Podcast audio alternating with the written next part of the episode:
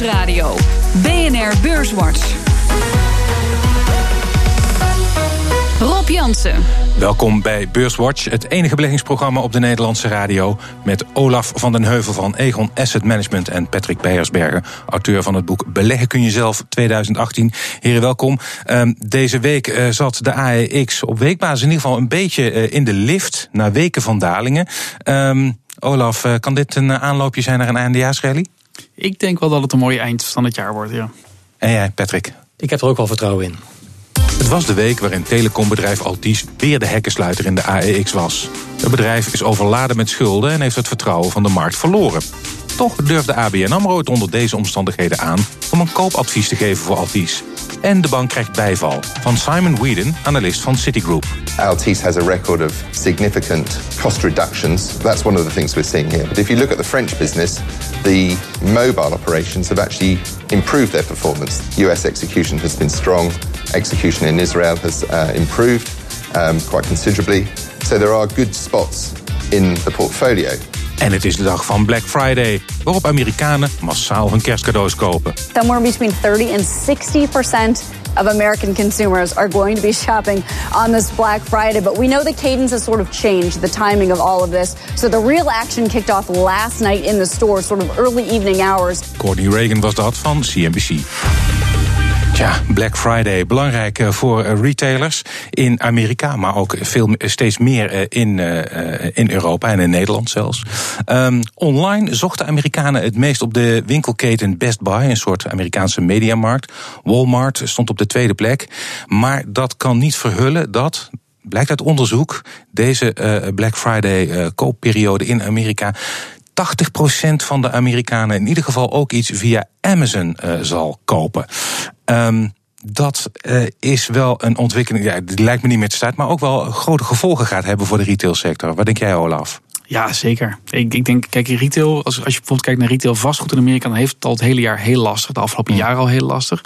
Het lijkt wel een beetje een kentering te komen. Een bot op uh, de tweede grootste mall-operator in Amerika laatst. Of mm. een aankomend bot. Dus misschien zijn we wel bij de bodem, maar ongetwijfeld die digitale trend gaat alleen maar door. Ja. En uh, Patrick, uh, hoe kijk jij er tegenaan? Meer inzetten op internetreuzen en minder op fysieke winkels? Ja, dat denk ik absoluut. Ik heb ook voor de modelportefeuille en beleg kun je zelf het aandeel Alibaba opgenomen. Ik denk dat dat kan je enigszins vergelijken met, met Amazon. Alibaba staat natuurlijk al in, in China in fysieke winkels, maar gaat hmm. internationaal eigenlijk puur op, op internet verder. Mm. En die groei daar is, is ongebreideld. En het aandeel is men heeft het vaak over een, over nieuwe internet-host die er zou zijn. Ja. Maar het aandeel is op 30 keer de winst nog helemaal niet zo gek duur als je het vergelijkt met wat internetaandelen in 2000 deden. Hmm. Ja, we weten ook wel hoe dat is afgelopen in 2000. Dat was een heel ander verhaal. Ja, ja. Maar het is grappig wel dat je Alibaba uh, noemt. Internetreuzen zijn, die opereren wereldwijd. Ik heb, al, ik heb zelf nog nooit iets uh, bij Alibaba gekocht, maar veel van mijn collega's wel. En ja, je zei al, ze zitten in uh, fysieke winkels. Ze hebben ook afgelopen week werd bekend dat zij um, een belang nemen in het supermarktbedrijf Auchan, van oorsprong Franse keten. Um, wordt dat niet een trend dat die internetreuzen eigenlijk de fysieke uh, markt gaan overnemen, Olaf? Nou ja, we zagen natuurlijk met uh, Amazon en Whole Foods dat ze denken wij kunnen die logistiek beter doen. Het past mooi bij ons assortiment en uh, we kunnen op die manier nog meer brengen naar de consument. Dus het lijkt een beetje een trend. Het lijkt ook wel een beetje een soort copycat gedrag dit, moet ik zeggen. Want Amerika is toch anders dan China nog. Ja, het voordeel van internet is natuurlijk, je, je kan in principe alles aanbieden. Je begon, als Amazon begon je dan als, als boekhandel. Maar je ziet dat daar nu alles verkocht wordt. En ik weet niet of je wel eens op AliExpress gekeken hebt, waar ze dus nu het Westen mee, mee aan het veroveren zijn hmm. met Alibaba. Ik ken het niet, nee. Daar kan je letterlijk alles kopen. En eigenlijk het enige wat nog ontbrak was inderdaad voedsel. Dus daar, uh, daar gaat men nu mee experimenteren. Dus ik denk dat je uiteindelijk uh, misschien voor je hele retail bestedingen uh, misschien wel aan één adres klaar kan zijn. Hmm. Um, ik uh, blijf even uh, bij China, want uh, met Alibaba mag het lekker gaan. Er is wel wat onrust ontstaan afgelopen week op de financiële markten in China. over China. de overheid wil daar de enorme groei in bedrijfsschulden afremmen. Bedrijven die dragen een schuld van 165 procent van het Chinese BBP met zich mee. Dat is veel meer dan in Europa en Amerika.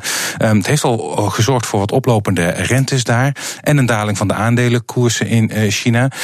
Olaf, is dat iets waar we ons uh, zorgen over moeten maken? Kan dat afknijpen van de financiering van bedrijven gevolgen hebben voor de groei en ook voor de wereldeconomie? Wat denk jij? China blijft natuurlijk balanceren op twee gedachten. Ze hebben die hele grote oude economie waar zoveel mensen werken. Die moeten ze overeind houden. Die mensen moeten een baan houden. En tegelijkertijd heb je die nieuwe economie met Alibaba, met Tencent, die, die heel hard groeit en waar alle winst gemaakt wordt. Hmm. Het is een staatsgeleide economie. Eh, de schulden zitten goed deels allemaal in het eigen land. Dus ik denk dat eh, ze het nog steeds heel goed kunnen sturen. Dat er eigenlijk geen enkel probleem is. Maar je houdt, wat we de afgelopen jaren steeds zien, dat er ineens zo'n grote vlaag van onzekerheid over de markten gaat en het vlieg gaat dalen. Ik heb nu bij die recente onzekerheid wel zoiets van ja, het was de twee weken daarvoor weer heel hard opgelopen. Dus ja, hoe erg moeten we ons zorgen maken? Uh, maak jij ook geen zorgen, Patrick? Nou, in het algemeen maak ik me altijd zorgen over eh, bedrijven die te veel schulden uh, aangaan. Dus mhm. ik, ik, ben, ik ben een aandelenman. Ik kijk niet zozeer eh, naar. Ik kijk ook naar het macroplaatje, maar dat is voor mhm. mij niet, niet leidend. Mhm. Ik kijk welke bedrijven sterke balans hebben en op die manier voorzichtig bezig zijn. Nou, dan kan ik me voorstellen dat je ook, uh, ja, terugkijkend, vergelijkbare onrust had je ook in augustus 2015 en in januari 2016 omtrent China. Toen leidde dat wel tot, tot enige correcties ook. Hier. Ja, dat dus- was mooi. Eh, toen begon met de daling van de munt, die, die uh, hard naar beneden ging. En waarbij je zag dat zelfs in Chili en Peru alles hard naar beneden ging. Hmm. Ja, kijk, China is duidelijk een wereldspeler geworden. En ik denk hmm. dat een hele grote deel van de liquiditeit die de wereld ingekomen is de afgelopen jaren, ook komt door Chinezen die het geld het land uit proberen te halen. Hmm. Ja, als je dit soort zwakte krijgt in de lokale markt, dan gaat het alleen maar omhoog. Daar zagen we ook al de eerste tekenen van de afgelopen tijd. Ja, maar als ik jou goed begrijp, dat zal de Chinese overheid uh, wel met de nodige geleidelijkheid en beheerst kunnen, kunnen oplossen, dit, uh, dit probleem? Ja, kijk, crisis die komen over het algemeen als er echt een liquiditeitsprobleem is. Nou, dat is er in China gewoon niet. Ze hebben alles heel goed onder controle. Ze kunnen heel goed bijsturen. Uh, bij het laatste, het recente congres, hebben ze ook gezegd van voor ons is het belangrijkste focus nu niet meer groei, maar een betere verdeling van de groei. Ja, ja daar hoort denk ik ook een beetje afknijpen bij. Ja. Um, ik wil uh, graag naar helemaal naar de andere kant van de wereld, namelijk Amerika, de Fed. Uh, uh, die schroefde de rente waarschijnlijk in december wat verder op. Toch is de inflatie niet op het gewenste niveau nog van de Fed. Um, zou de Fed niet beter wat kunnen wachten met het verhogen van de rente? Wat denk jij, Patrick? Nee, ik denk dat de Amerikaanse economie een renteverhoging wel kan hebben nu. We hebben de laatste twee kwartalen een groei gezien van, van 3 procent. En dat, uh, ja, dat, dat is vrij robuust. En dat, dat prijsontwikkeling daar nog wat bij achterblijft, is denk ik geen, uh, geen reden voor, voor zorg. Het is gezond om die rente op een wat natuurlijker niveau te krijgen. En uiteindelijk is het voor Europese beleggers denk ik ook helemaal niet zo erg. Hm. Want het zal goed moeten zijn voor de, voor de dollar. Hm. En dat, dat pakt voor, over het algemeen voor de, de Nederlandse economie en voor het Nederlands bedrijfsleven goed uit. Ik zie jou instemmend knikken. Ja, nee, ik ben het er helemaal mee eens. Ik denk ook dat je met uh, inflatie op zich heel erg moet oppassen. Uh, vorige week werd er nog een schilderij verkocht voor 400 miljoen uh, dollar of euro. Ja in ieder geval voldoende. Dus er zit echt wel genoeg geld klotst er rond. Dat, dat looninflatie nog wat achterblijft, heeft allerlei structurele factoren. Ik denk dat die langzaam weg gaan vallen. En het zou mij niks verbazen als inflatie volgend jaar echt nog wel wat omhoog gaat. Ja. er zijn ook economen. Eh, de FD maakte afgelopen week een, eh, een rondgang langs een aantal economen. over precies deze situatie. Het groeit lekker, uh, inflatie laag, de lonen groeien niet. en ze zijn bang dat die condities zo niet lang kunnen aanhouden. dat het misschien wel tot een kentering kan leiden. Uh, Patrick, ben jij er bang voor? Nee, ik ben daar in principe nooit bang voor. Maar het is wel iets wat altijd gebeurt. je, je, hebt natuurlijk altijd de tijden met het zogenaamde Goldilocks scenario. Dat het allemaal perfect lijkt. En dat, dat, blijft vaak een, een, een tijdje zo. Ja. En daarna krijg je weer oplopende rentes en uh, onverwachte vloedbewegingen. Uh, winsten die een keer een paar kwartalen wat, uh, wat minder zijn dan, dan verwacht. Dat is, dat is een cyclus die je op de beurs natuurlijk door de jaren heen altijd ziet. En dan moet je denk ik als lange termijn belegger een beetje doorheen prikken. Ja. Maar ik, ik, heb daar op zich ook nog, als je kijkt naar het Amerikaanse bedrijfsleven, want jij noemde het Chinese, ja. ook daar is uh, het bedrag dat bedrijven betalen aan rente is relatief heel hoog geworden, ondanks dat de rente zo laag staat. Dus uh, ze zijn kwetsbaar wat dat betreft en je wil daar niet te ver in doorschieten. Dus ik denk dat het hoog tijd is dat die centrale bank daar wat mee doet. Mm. Uh, en de echte inflatie in de economie, dat komt er toch wel aan, denk ik. Zometeen dan praten we verder over de beurs en de economie, onder andere over Axo Nobel en Altief. BNR Nieuwsradio. Beurswatch. We gaan het hebben over de val van Altis en de mislukte overnamepoging van Axalta door Axonobel. Dat doe ik met Olaf van de Heuvel van Egon Asset Management en Patrick Beiersberger, auteur van het boek Beleggen kun je zelf 2018. Maar eerst maken we de balans op van de afgelopen week. De AEX die sloot op 540,6 punten. Dat is een plus van 0,7 procent ten opzichte van vorige week. Stijgers. Op weekbasis stegen deze drie aandelen het sterkst. Op 1 ArcelorMittal plus 4,6 procent. 2 SBM Offshore met een plus van 2,9 procent. En op 3 ASML met een plus van 1,9 procent. En het midcap aandeel dat het best presteerde deze week was Intertrust met een plus van 9 procent. Dalers. De grootste dalers eh, afgelopen week in de AEX. Op 1 Altis wederom met een min van 7,7 procent. Op 2 uh, Vopak met een min van 1,4 procent. En op 3 NN Group, de verzekeraar, met een min van 1,2 procent. In de midcap was de grootste daler deze week Flow Traders met een min van 3,5 procent. En de AEX is deze week drie van de vijf handelsdagen hoger gesloten. Um, ja, Altis weer de grootste daler uh, deze week. Ze hebben het nu weten te beperken tot onder de 10% Maar afgelopen weken twee keer een week met meer dan 20 um, ik zie uh, bij dit aandeel twee groepen ontstaan. Um, beleggers die het niet zien zitten. Want het aandeel is uh, op jaar, dit jaar 60% gedaald. Standard Poor's heeft Outlook naar beneden bijgesteld.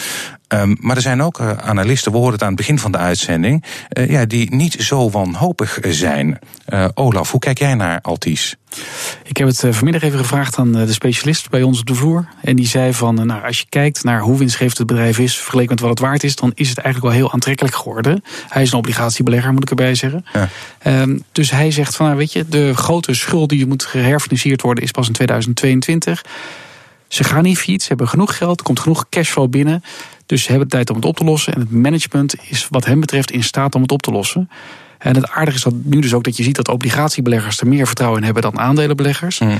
En in mijn ervaring hebben obligatiebeleggers het meestal bij het rechte eind. Oh, dan ben ik bij nu even naar de aandelenbelegger. Patrick.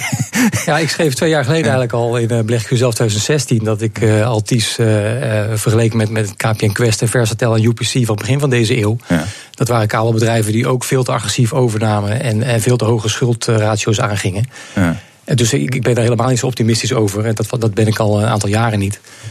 En ja, analisten die op het huidige niveau uh, een koopadvies geven, die gaven misschien op 25 euro ook een koopadvies. Ik weet niet of ze dan het vasthouden op, op 8 euro.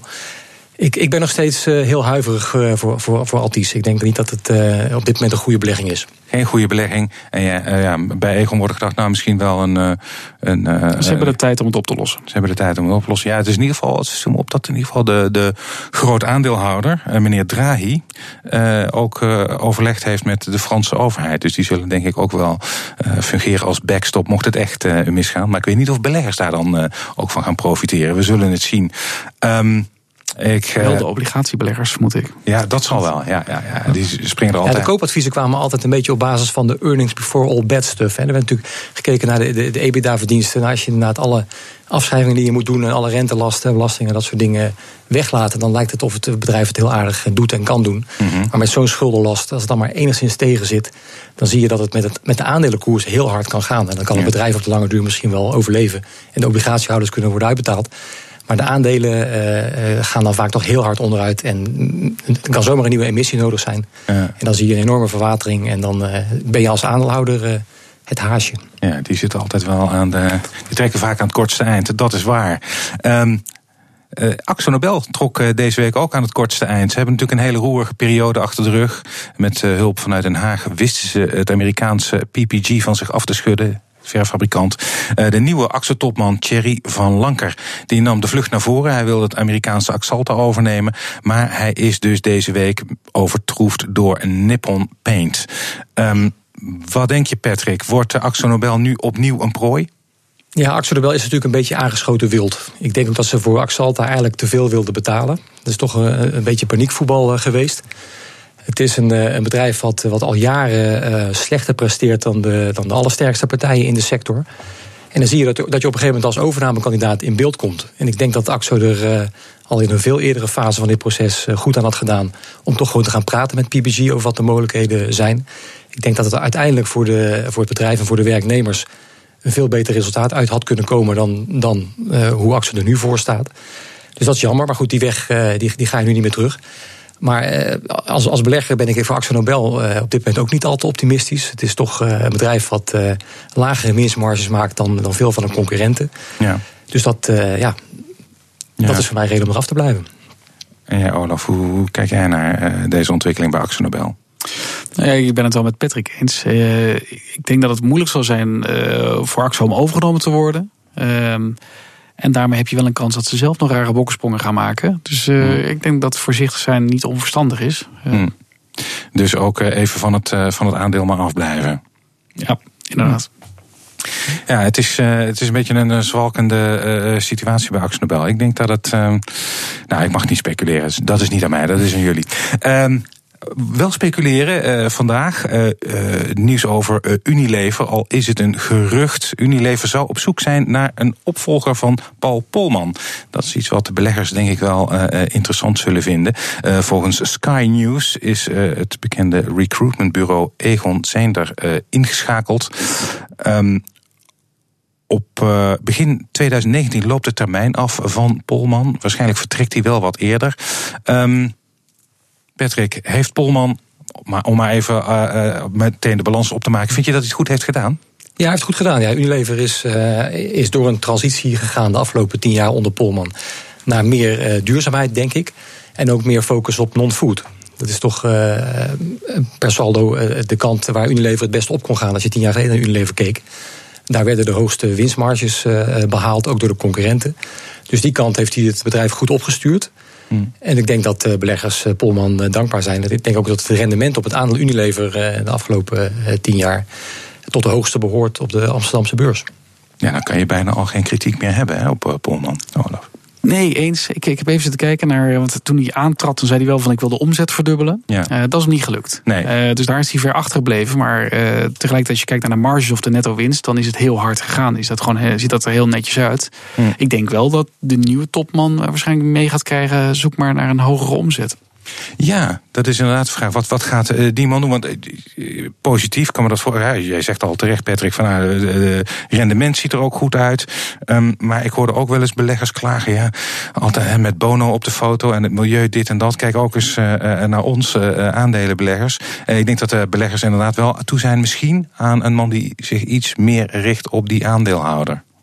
Het is helemaal niet verkeerd om eh, de lange termijn eh, voor ogen te houden en duurzaam eh, te opereren.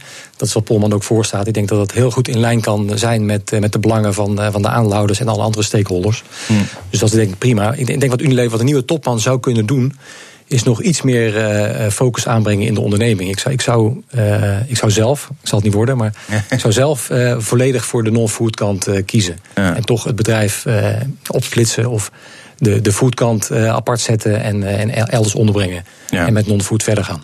Ja. Um, als we dan kijken naar aandelen. Um, we hebben uh, de, deze week kwam ook voorbij dat ABN AMRO... die dus de, de Altis een koopadvies heeft gegeven... die hebben ook gezegd, wij gaan onze focus een beetje richten... van Europese aandelen meer naar Amerikaanse aandelen. Dat vond ik opmerkelijk en ik ben heel benieuwd of jij, Olaf, dat een verstandige stap vindt. Ja, ja nee, wij zitten exact hetzelfde eigenlijk. Uh, onderwogen Europese aandelen, overwogen Amerikaanse aandelen. Een belangrijke reden daarvoor is het belastingplan wat eraan komt. Wat betekent dat je eigenlijk vanuit tekorten meer gaat stoppen in, uh, uh, meer gaat investeren in de economie. Nou, dat zou goed moeten zijn voor de Amerikaanse aandelen. Tegelijkertijd zie je dat voor Europese aandelen we eigenlijk na jarenlang voorspeld hebben dat we met double digits winst gaan zien groeien. Hm. Dat voor volgend jaar de verwachtingen veel gematigder zijn. Hm.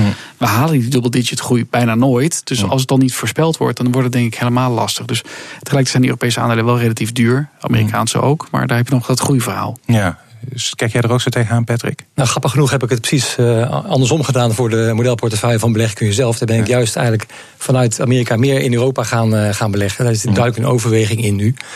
Ja. Uh, dat, de achterliggende gedachte daarvan is eigenlijk dat de waarderingen in Amerika toch wat hoger zijn. daarnaast zie ik de dollar ook aantrekken komend jaar. Wat uiteindelijk voor de belegging in Europa wat beter moet gaan uitpakken. Ja, die, dat is, ik kan me voorstellen dat dat ook wel enige reden tot zorg moet geven, Olaf. De, de waarderingen zijn gewoon, ook historisch gezien, ontzettend hoog. Zeker in Amerika. Ja, nee, eens. eens. Dus het is echt een goed verhaal. Kijk, ze zijn heel hoog. Het enige wat kan bewegen, ik zou niet verwachten dat waarderingen nog, nog hoger worden. Dus wat mm. kan bewegen, en die groeicijfers. Mm. Uh, en daar moet je het van hebben. Of dat een langdurig goed verhaal is voor de Amerikaanse aandelen, durf ik ook niet zo te zeggen. Maar in Europa hebben we toch best wel veel goed nieuws gehad. En heb je tegelijkertijd een ECB die op het toppunt van doversnus zit. Dus hoeveel zachter kan het beleid in Europa zeker niet worden. Dus dat is ook een rem in de toekomst. Ja, ja dat, de ECB-vet, dat roept mij ook nog uh, de vraag op. En dan had ik laatst met iemand over. Kijk, eh, stel nou dat het misgaat. Hè, want je hoort ook wel eens van, van verhalen ja, als die beurs nou eens uh, inklapt, dat zou zomaar kunnen in één keer. Omdat het zo uh, ontzettend hoog staat. En dat leidt tot economische onrust. Welke mogelijkheden zijn er dan nog voor centrale banken om, om de economie te sturen? Ze hebben nu bijna alles wel ingezet, of niet? Nee, ik denk dat ze nog heel veel meer dingen kunnen doen. ze hebben laten zien dat ze heel creatief kunnen zijn in het vinden van nieuwe manieren. Maar bijvoorbeeld de Japanse centrale bank koopt gewoon rustig heel veel aandelen op elke dag weer. Dus waarom zouden we dat niet kunnen in Europa?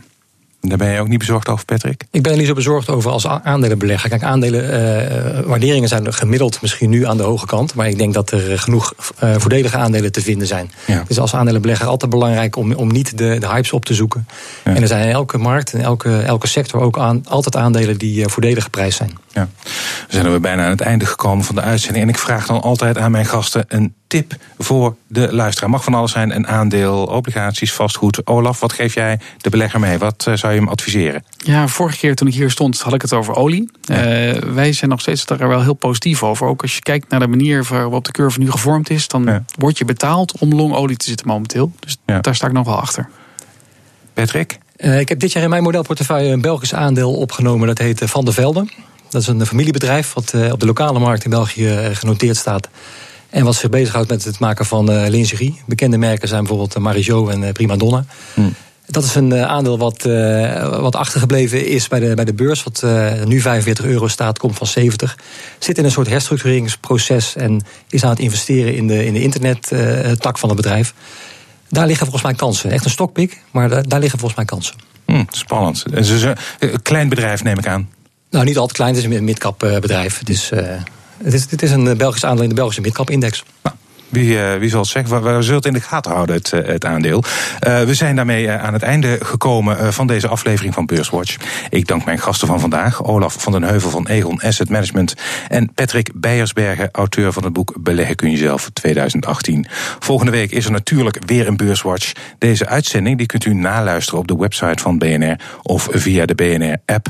En heeft u nog vragen, dan kunt u die mailen naar beurswatch.bnr.nl of een tweet sturen naar Rob Dank voor het luisteren.